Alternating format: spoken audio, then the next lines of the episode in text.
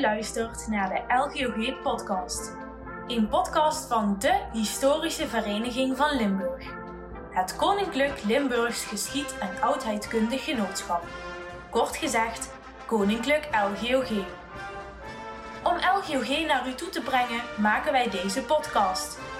Mijn naam is Justine Kamps en ik ben erfgoedconsulent bij LGOG.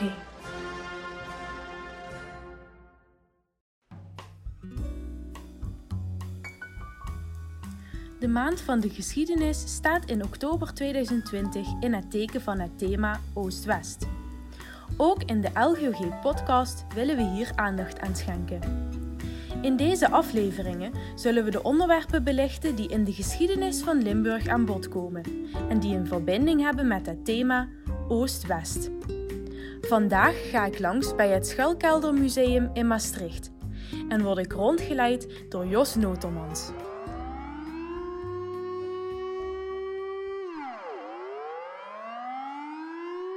Ik ben Jos Nootmans. Ik ben lid van de werkgroep Schuilen in Maastricht. En de werkgroep Schuilen in Maastricht, dat is een uh, groep vrijwilligers die een jaar of 15 geleden hier in de kazematten in Maastricht het initiatief heeft genomen om een permanente tentoonstelling over het schuilkelderverleden van dit gangenstelsel in te richten. Ja, we zijn eigenlijk een, een groep van enthousiaste, wat ik al zei, vrijwilligers die tot nog toe nog steeds redelijk goed bij elkaar is gebleven na 15 jaar. En wij, wij stellen dit uh, museum, klein maar fijn museum, een aantal zondagmiddagen in het jaar gratis voor mensen, voor mensen open. En dan zijn een aantal van onze vrijwilligers hier, uh, hier aanwezig. En de tentoonstelling die gaat over twee schuilkelderperiodes hier in het gangenstelsel van de Kasematten. Dat is de Tweede Wereldoorlog. En de Tweede Wereldoorlog zijn de kazematten echt gebruikt als schuilkelder. Hebben hier bij luchtalarm aan het einde van de oorlog tot 26.000 mensen geschuild. De Koude Oorlog, ja, daar is het verhaal eh, wat anders. Hè. Daar zijn hier schuilkelders ingericht en die zijn gelukkig nooit nodig geweest. Er zijn heel veel voorbereidingen wel getroffen. Uh, niet alleen op het gebied van schuilkelders, maar ook op het gebied van, van civiele hulpverlening, hè, de organisatie Bescherming Bevolking. Maar dat is gelukkig nooit nodig geweest. Nou ja, het verhaal van de Tweede Wereldoorlog is eigenlijk het volgende. Dat uh, ja, in, de, uh, in de jaren 30 werd duidelijk dat er uh, ook vanuit de lucht gevaar zou kunnen gaan dreigen. Hè. met name Guernica in, in, Spanje heeft dat heel duidelijk gemaakt. Daar hebben de Duitsers de stad gebombardeerd met verschrikkelijke gevolgen. Nou, toen is men zich eigenlijk gaan realiseren als er nou oorlog uitbreekt, wat moeten wij dan doen om ons daartegen te beschermen? Nou, de gemeente Maastricht, dat geldt overigens voor gemeentes in heel Nederland, zijn voorbereidingen gaan treffen, zijn uh, een schuilkelderplan gaan maken en zijn schuilkelders gaan bouwen, soms uitgraven. Nou, hier in het Blauwdorp waren ook een aantal schuilkelders gepland, maar de mensen die hier woonden, die zeiden van ja, maar die schuilkelders, dat is wel een mooie naam, maar die liggen vlak aan de oppervlakte. En wij weten dat dat gangenstelsel van de kazematten hier nog ergens onder, onder onze huizen moet liggen. Toen zijn die mensen dus eind 39, begin 40 zijn die gaan graven en hebben die dus op verschillende plekken toegang naar het gangenstelsel gevonden. En toen heeft eigenlijk de gemeente dat initiatief overgenomen en is gaan bekijken, zijn die ruimtes inderdaad geschikt als schuilkelder? En toen is de gemeente die successievelijk gaan inrichten als schuilkelder voor de burgerbevolking. Nou, wat ik al zei, aan het einde van de oorlog was er in die gangen plaats voor ongeveer 25.000 mensen bij luchtalarm. Je moet je dan dus inderdaad voorstellen, ik zei al 12 kilometer gang. In de meeste van die gangen had men langs één kant een lange bank gemaakt. Ja. En dat betekent dus dat ongeveer 12 kilometer mensen naast elkaar hier onder de grond konden zitten. En hoe deden ze het dan met de luchtverversing?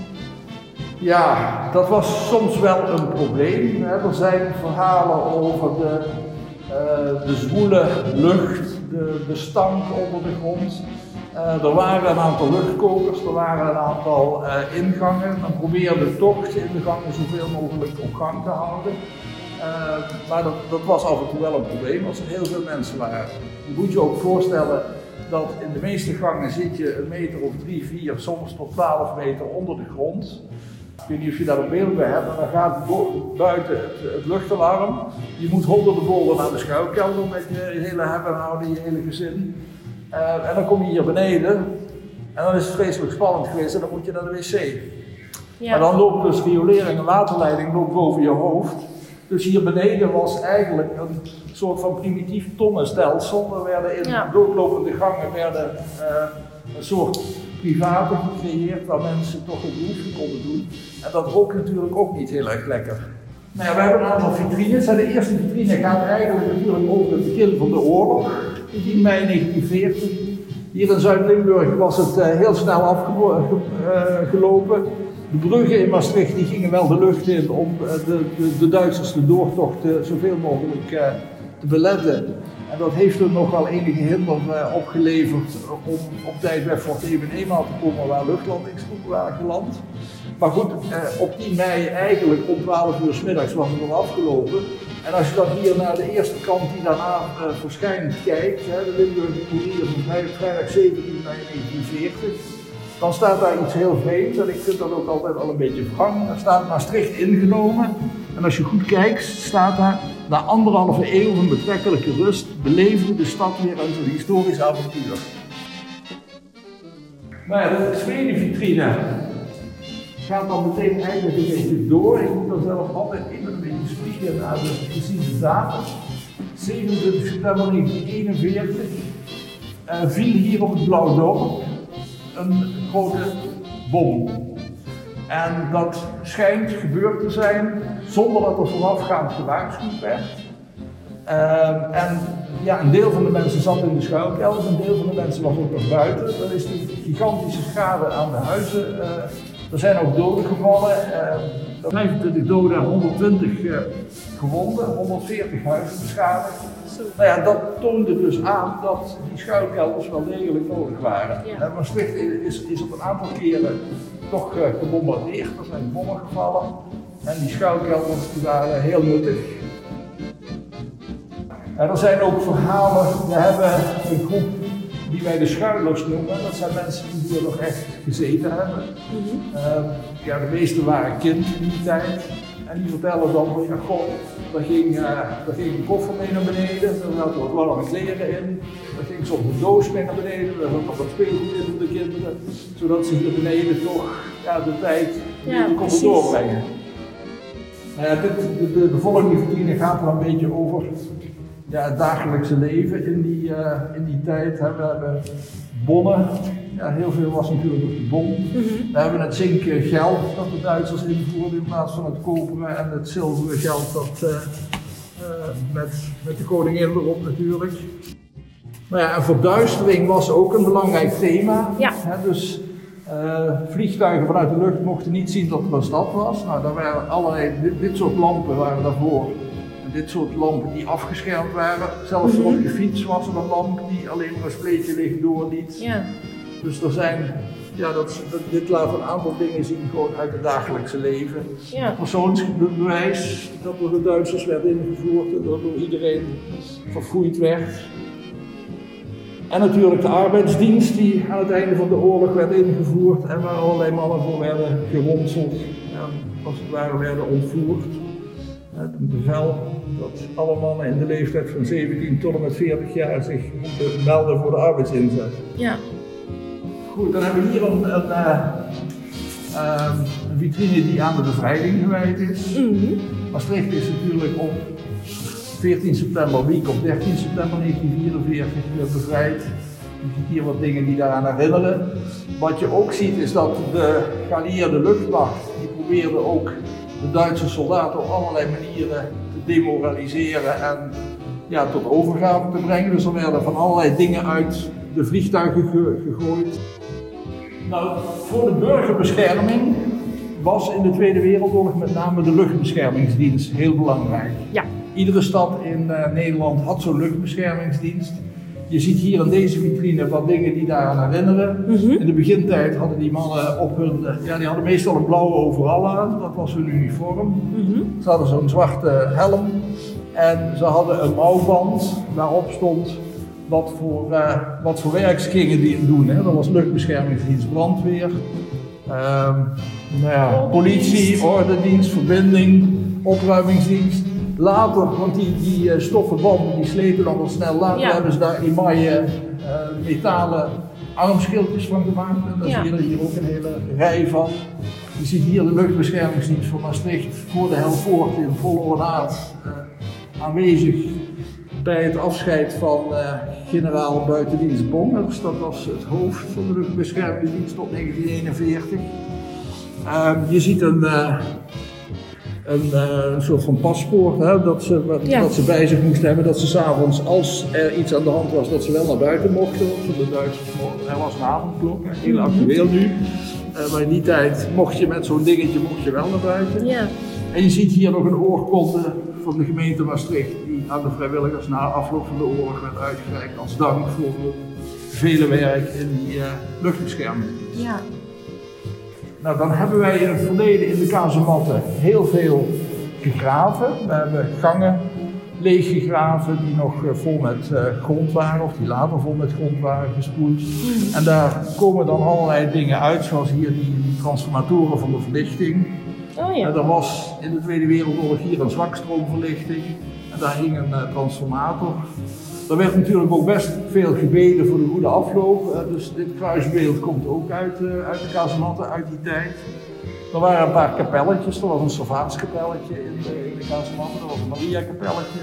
Dus mensen ja, die hier beneden zaten, als ze de kans kregen, gingen ze natuurlijk ook bidden voor de goede afloop. Ja. Um, hier zie je mensen aan het graven om de kazematten weer vrij gegraven te krijgen. En wat we hier ook hebben toegevoegd is, hier zie je het dinghuis in Maastricht en daar staat een bord op naar schuilplaats. Ja, precies. Dus in de stad waren er ook heel veel plaatsen schuilplaatsen voor passanten. Hè, want je ja. maar in de stad rondlopen en het luchtalarm gaat. Dan kun je niet naar je eigen kelder, maar dan moest je dus via zo'n bord, werd je dan verwezen naar een schuilplaats. Ja, na de oorlog hebben de kazematten een tijd lang um, braak gelegen als het ware. En is de jeugd erin getrokken en zijn bijvoorbeeld beelden zoals dit hier helemaal vernield. Dus we hebben de scherven bij elkaar gezocht. En hier hangt ook een gebedje bij luchtalarmvallen. Hè, kon je dit gebedje opzeggen. Ik heb spijt over mijn zonde en bid uit liefde, niet uit angst tot God, mijn Jezus barmhartigheid. En dit zijn allemaal ja, dingen die we in de kazematten gevonden hebben. Kijk, kinderen maakten van, van elastiekjes een, een balletje, een, een schroepdouche, rinsen, appelstroopjes, er werd van alles mee naar beneden gedaan. Ja. De luchtbeschermingsdienst hield zich niet alleen bezig met de schuilkelders, maar ook met andere dingen. Hè. Men, men, moest ook rekening houden met dat er ooit een keer gas gebruikt zou kunnen worden. Ja. Daar waren dus ook gasverkenners voor, een chemische dienst. En wat we hier hebben staan in deze vitrine is een wel heel bijzondere doos. Namelijk een doos met uh, een heleboel flesjes. En die flesjes die konden de verkenners van de luchtbeschermingsdienst gebruiken om te wennen aan de, of te leren uh, het gas te herkennen. En daar staat dus vooral op dat uh, het ruiken moet bestaan uit voorzichtig snuffelen. Ja. Waarbij men de, ge de, geopende fles nooit dicht bij het gezicht moet brengen. Dus je, je moest heel voorzichtig zijn. Ja, precies. Want het spul wat erin zat was wel schadelijk. Maar je kon dan heel voorzichtig ruiken welk gifgas het zou zijn. Nou, dan was er natuurlijk ook een hele medische dienst. Hmm. Ook hier in de kazematten waren diverse hulpposten ingericht. Uh, mensen die zich dat konden veroorloven, die konden zelfs een, een gasdoos tevens verbanddoos kopen. Hè. Dus je kon in huis uh, een, een, een, eerste hulpdoos kopen waar ook wat middelen in zaten om, als je blootgesteld was aan gassen, om je daartegen te beschermen. En ja, dit is dus een hele verzameling van verbandmiddelen Ja. uit die tijd. Een helm van de luchtbeschermingsdienst met een rood kruis erop. En mouwbanden, geneeskundige dienst. En wat zat er dan in zo'n uh, gasdoos? Ja, daar, zat, daar zaten poeders in die je kon gebruiken om, ehm, als er iets op je huid terechtgekomen was, om dat te, te ontsmetten. Ja, ja. Nou, hier zijn we dan aangekomen bij wat ik zei, de toilethoek. Oh ja. En dit toilet waar we hier voor staan, dat hebben we hier in de kazematten in een van de gangen gevonden. Mhm. Dat, is, eh, dat heet een torfstrooi trokkencloset. Ja. En dat, is een, dat zijn toiletten die in Duitsland speciaal voor schuilkelders werden ontworpen. En wat was nou de bedoeling van dit apparaat? Nou ja, hij is niet compleet. Daar zat natuurlijk een soort toiletbril op met een deksel. Daar kon je je behoefte doen. En in die koker, daar zat turfmolm. En Ja. als je dan aan die hendel trok, dan viel dat turfmolm naar beneden. En dan eh, stonk het niet zo. Precies. Dus dat is een toilet speciaal voor de schuilkelders ontworpen. Hier zien we een proclamatie van uh, generaal Bongers, hoofd van de luchtbeschermingsdienst in Maastricht. En die geeft instructies. De schuilkelders zijn alleen ter beschikking van het publiek zolang het alarm duurt. En als het alarm, het signaal veilig werd gegeven, moest je eruit. Je mocht je daar ook niet met huisraad installeren. Dus je mocht uh, niet zoals we daar op die foto hebben gezien, met dekens en van alles naar beneden. Dat deden mensen natuurlijk toch. En als ouderen niet snel naar beneden konden, dan mochten die eventueel op een fauteuil of op een stoel naar beneden worden gedragen. Ja. We weten toch dat aan het einde van de oorlog mensen hier soms dagenlang bleven. Mhm. Met name in de tijd van het Ardennen-offensief, toen de Duitsers weer uh, van zich lieten horen. Toen ook weer Duitse bommen vielen. Toen zijn er mensen geweest die hier uh, soms toch een paar dagen uh, en nachten zijn, zijn gebleven. Nou ja, voor de Koude Oorlog, ja, misschien, misschien toch even het kader schetsen. Hè? Mm ja, de Tweede Wereldoorlog is afgelopen. Wij zijn allemaal bevrijd. Groot feest. Um, maar de feestvreugde is nog niet goed en wel bedaard. Of het wordt al duidelijk dat er opnieuw spanningen ontstaan. Hè, tussen met name Rusland en Amerika. En um, ja, over het algemeen wordt aangehouden dat in 1948 zo'n beetje de Koude Oorlog uh, begint. Ja. En vanaf dat moment neemt dus ook het dreigingsniveau toe. En ontstaat hier in Nederland ook die gedachte van de Russen komen. En uh, daar, daar is van allerlei voorbereidingen, uh, voorbereidingen zijn daarvoor getroffen. natuurlijk militair. Hè. Nederland maakte onderdeel uit van de, van de NAVO. En de NAVO die had aanvankelijk het idee om uh, West-Europa achter de Rijn en de Nederlandse IJssel te verdedigen, want de NAVO was niet zo sterk. Later is die verdedigingslinie naar de Oost-Duitse grens verschoven, hè, dus, dus ging men ook heel West-Duitsland te verdedigen. Maar in het begin was het de bedoeling dat achter de Rijn en de IJssel de verdediging zou worden gevoerd. Ja. Nou, in Nederland is toen in het verlengde van de luchtbeschermingsdienst de Organisatie voor Bescherming Bevolking opgericht. Daar zie je hier een heleboel van uh, aan de muur hangen. Dat was eigenlijk een soort van voortzetting van de luchtbeschermingsdienst. Weer een hele complexe organisatie met heel veel functies. Hè. Het, er was een bloksysteem, dus een huizenblok. Daar was een blokwacht, daar was een blokhoofd. Mhm. Daar waren uh, vrijwilligers die uh, in de eigen wijk uh, dat werk moesten, moesten doen. Um, in de jaren 50 ging men ervan uit dat men in heel Nederland een paar honderdduizend vrijwilligers voor die taak zou krijgen. Nou ja, dat is op een grote teleurstelling uitgelopen. En toen heeft men geprobeerd om um, dat potentieel aan te vullen met mensen die um, niet in militaire dienst hoefden. Hè. Dus als je ja. buitengewoon dienstplichtig werd, broederdienst of afgekeurd, dan kon je alsnog bij de BB worden ingedeeld. En dan werd je dus uh, noodwacht. Dat was dus een noodwachtplicht. Dat gold voor de mensen die dus inderdaad op die manier in de BB terechtkwamen. Ja. Nou, als je het dan hebt over schuilkelders. De gemeentes die kregen in de jaren 60 ook de opdracht om aan schuilkelders te gaan werken. Um, dat was ook allemaal mondjesmaat. De meeste gemeentes kwam daar niet meer, niet verder dan 10, 15 procent van de bevolking. Mm -hmm. Hier in Maastricht was er ook voor ongeveer 15.000 mensen plaats. Okay. een bevolking van 100 tot 10.000 mensen. En die schuilkelders moesten bescherming bieden tegen niet, niet, alleen conventionele wapens, maar ook tegen gas- en uh, biologische wapens en tegen fallout. Ja. Dus dat betekent dat de schuilkelder waar wij nu in staan, en misschien is het belangrijkste deel van deze tentoonstelling ook wel de inrichting van de schuilkelder. De schuilkelder werd uh, op het moment dat er buiten radioactieve straling was, werd die luchtdicht van de buitenwereld afgesloten. Dan was er hier een luchtverversingssysteem dat ervoor kon zorgen dat hier binnen de luchtdruk iets hoger was dan buiten, zodat door kieren en gaten alleen maar lucht van binnen naar buiten kan en niet omgekeerd. Mm -hmm. Nou, de lucht die naar binnen werd gezogen, liep door, daar zie je een koolfilter. Daar kon je dus giftige stoffen mee uit de lucht halen. En achter die muur daar, daar ligt een zandfilter. En in die zandfilter werden de radioactieve deeltjes uit de lucht gehaald. Dus dan kon je hier veilig ademen.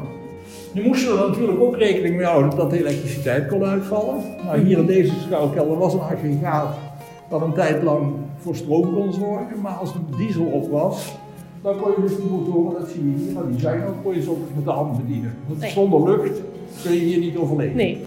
Nou, wat was hier dan verder? Ehm, je ziet hier een, eh een, een zit-lichtmeubel, zoals dat zo mooi heet. Mhm. Die schuilkelders werden volgezet met dit soort meubels. Die, die zaten eigenlijk in pakketten verpakt. En die kon je dan opzetten. Je ziet drie keer twee slaapplaatsen boven elkaar. Ja. En aan één kant zie je hier een bank met een tafeltje. Die hoort aan de andere kant ook nog te zitten. Maar omdat de ruimte hier zo klein is, konden we die bank aan de andere kant niet monteren. Ja, maar dat was dus je meubilair. Hè. Je kon dus liggen en je moest dus afwisselen. Eh, liggen, zitten, misschien een klein beetje rondlopen en af en toe aan de zwengel draaien als je wat eh, lichaamsbeweging wilde hebben. Ja. De bedoeling was dat mensen hier een aantal dagen zouden moeten blijven totdat het stralingsniveau buiten zodanig gedaald was dat het weer veilig was. Dus deze schuilkelders die in de volksmond wel atoomschuilkelder werden genoemd, die boden natuurlijk geen enkele bescherming tegen een atoombom. Een voltreffer op Maastricht met een atoombom en de hele stad is weg. Dan heb je aan schuilkelders ook niks. Maar een atoombom op Luik of Keulen, dan kun je hier dus inderdaad Ja, de straling overleven. En kun je Ja. dus totdat het hoogste stralingsniveau voorbij is, kun je hier in die schuilkelder zitten en dan kun je een paar dagen naar buiten. Nou, wat heb je dan nog meer nodig? Behalve lucht, een plek om te zitten en te liggen, je hebt water nodig. Daar is een uh, waterreservoir. Deze schuilkelder had een eigen bronpomp, dus je kon hier vanuit grondwater kon je, kon je oppompen. En dan kon je dan in die tank kon je een voorraad aanleggen. En er waren natuurlijk voedselvoorraden die hier ook eh, aanwezig waren als dat nodig was. In de kasematten waren er zes. En die zes waren ieder voor ongeveer 150 mensen. Oké. Dat zijn 900 plekken. Ja. De onderste etage van de parkeergarage onder het Vrijthof die was voorbereid als schuilkelder. Mhm. Dus daar konden mensen terecht. Je hebt eh, de fietserstunnel onder, de, onder het spoor, de Schaarweg. In de, de rechte buis van de fietserstunnel, die was ook voorbereid als schuilkelder. En helemaal aan het einde is nog in de grond van de Sint-Pietersberg is een schuilkelder ingericht in de Schaiktunnel. Er waren natuurlijk een aantal bedrijven die iets geregeld hadden. En er waren natuurlijk schuilkelders voor het provinciebestuur in Fort Willem. Mhm. En er was een schuilkelder voor het gemeentebestuur aan de, in een kazemat aan de Kaverweg. Oké. Dus dat was zo'n beetje wat er in Maastricht aan schuilkelders was. De BB moest natuurlijk ook kunnen meten of er buiten straling was. Hè. Ja. waren speciale pakken voor die je dan aan konden trekken. En als je naar buiten ging, dan moest je daarna weer helemaal afgespoeld worden. Met een geigerteller kon je dan de straling meten. Er waren ook allerlei sets om eh, te bekijken of er buiten sprake was van, van gas. Mhm. Dus daar kon men mee eh, bepalen of er gas was. Ehm, er waren hier in de schuilkelders waren radio's die voorgeprogrammeerd waren op de, de, de drie Nederlandse zenders. Hè. Nu, wa- nu was het natuurlijk wel zo dat die BB niet alleen eh, voorbereid was op oorlogssituaties, maar ook op andere rampsituaties. Hè. En bijvoorbeeld toen hier in, eh, in Limburg die watersnood eh, was, toen heeft de BB hier inderdaad heel goed werk gedaan door mensen uit die dorpen Ja. te halen en door inderdaad een soort pendeldienst met bootjes en dergelijke. Dus ze waren niet alleen op de oorlog voorbereid, maar ook op andere rampen. Andere rampen, Het was eigenlijk een rampenbestrijdingsorganisatie. Nou, hier hebben we nog, dat is misschien nog wel even heel erg leuk, Leg een, eh, een sirene. En dit is een sirene uit 1939. Die heeft tot in de jaren 80 hi- eh, hier in de buurt ergens op de daken gestaan. En je kunt dus eigenlijk zeggen dat die sirene onze twee schuilkelderperiodes mooi overbrugt. Ja, precies. Ja, die is in de Tweede Wereldoorlog in gebruik geweest. En tot in de Koude Oorlog in gebruik geweest. En ergens eind jaren 80 vervangen door die moderne sirenes die nu nog iedere eerste maandag van de maand om 12 uur ons eraan herinneren dat we naar beneden moeten gaan als het een keer misgaat.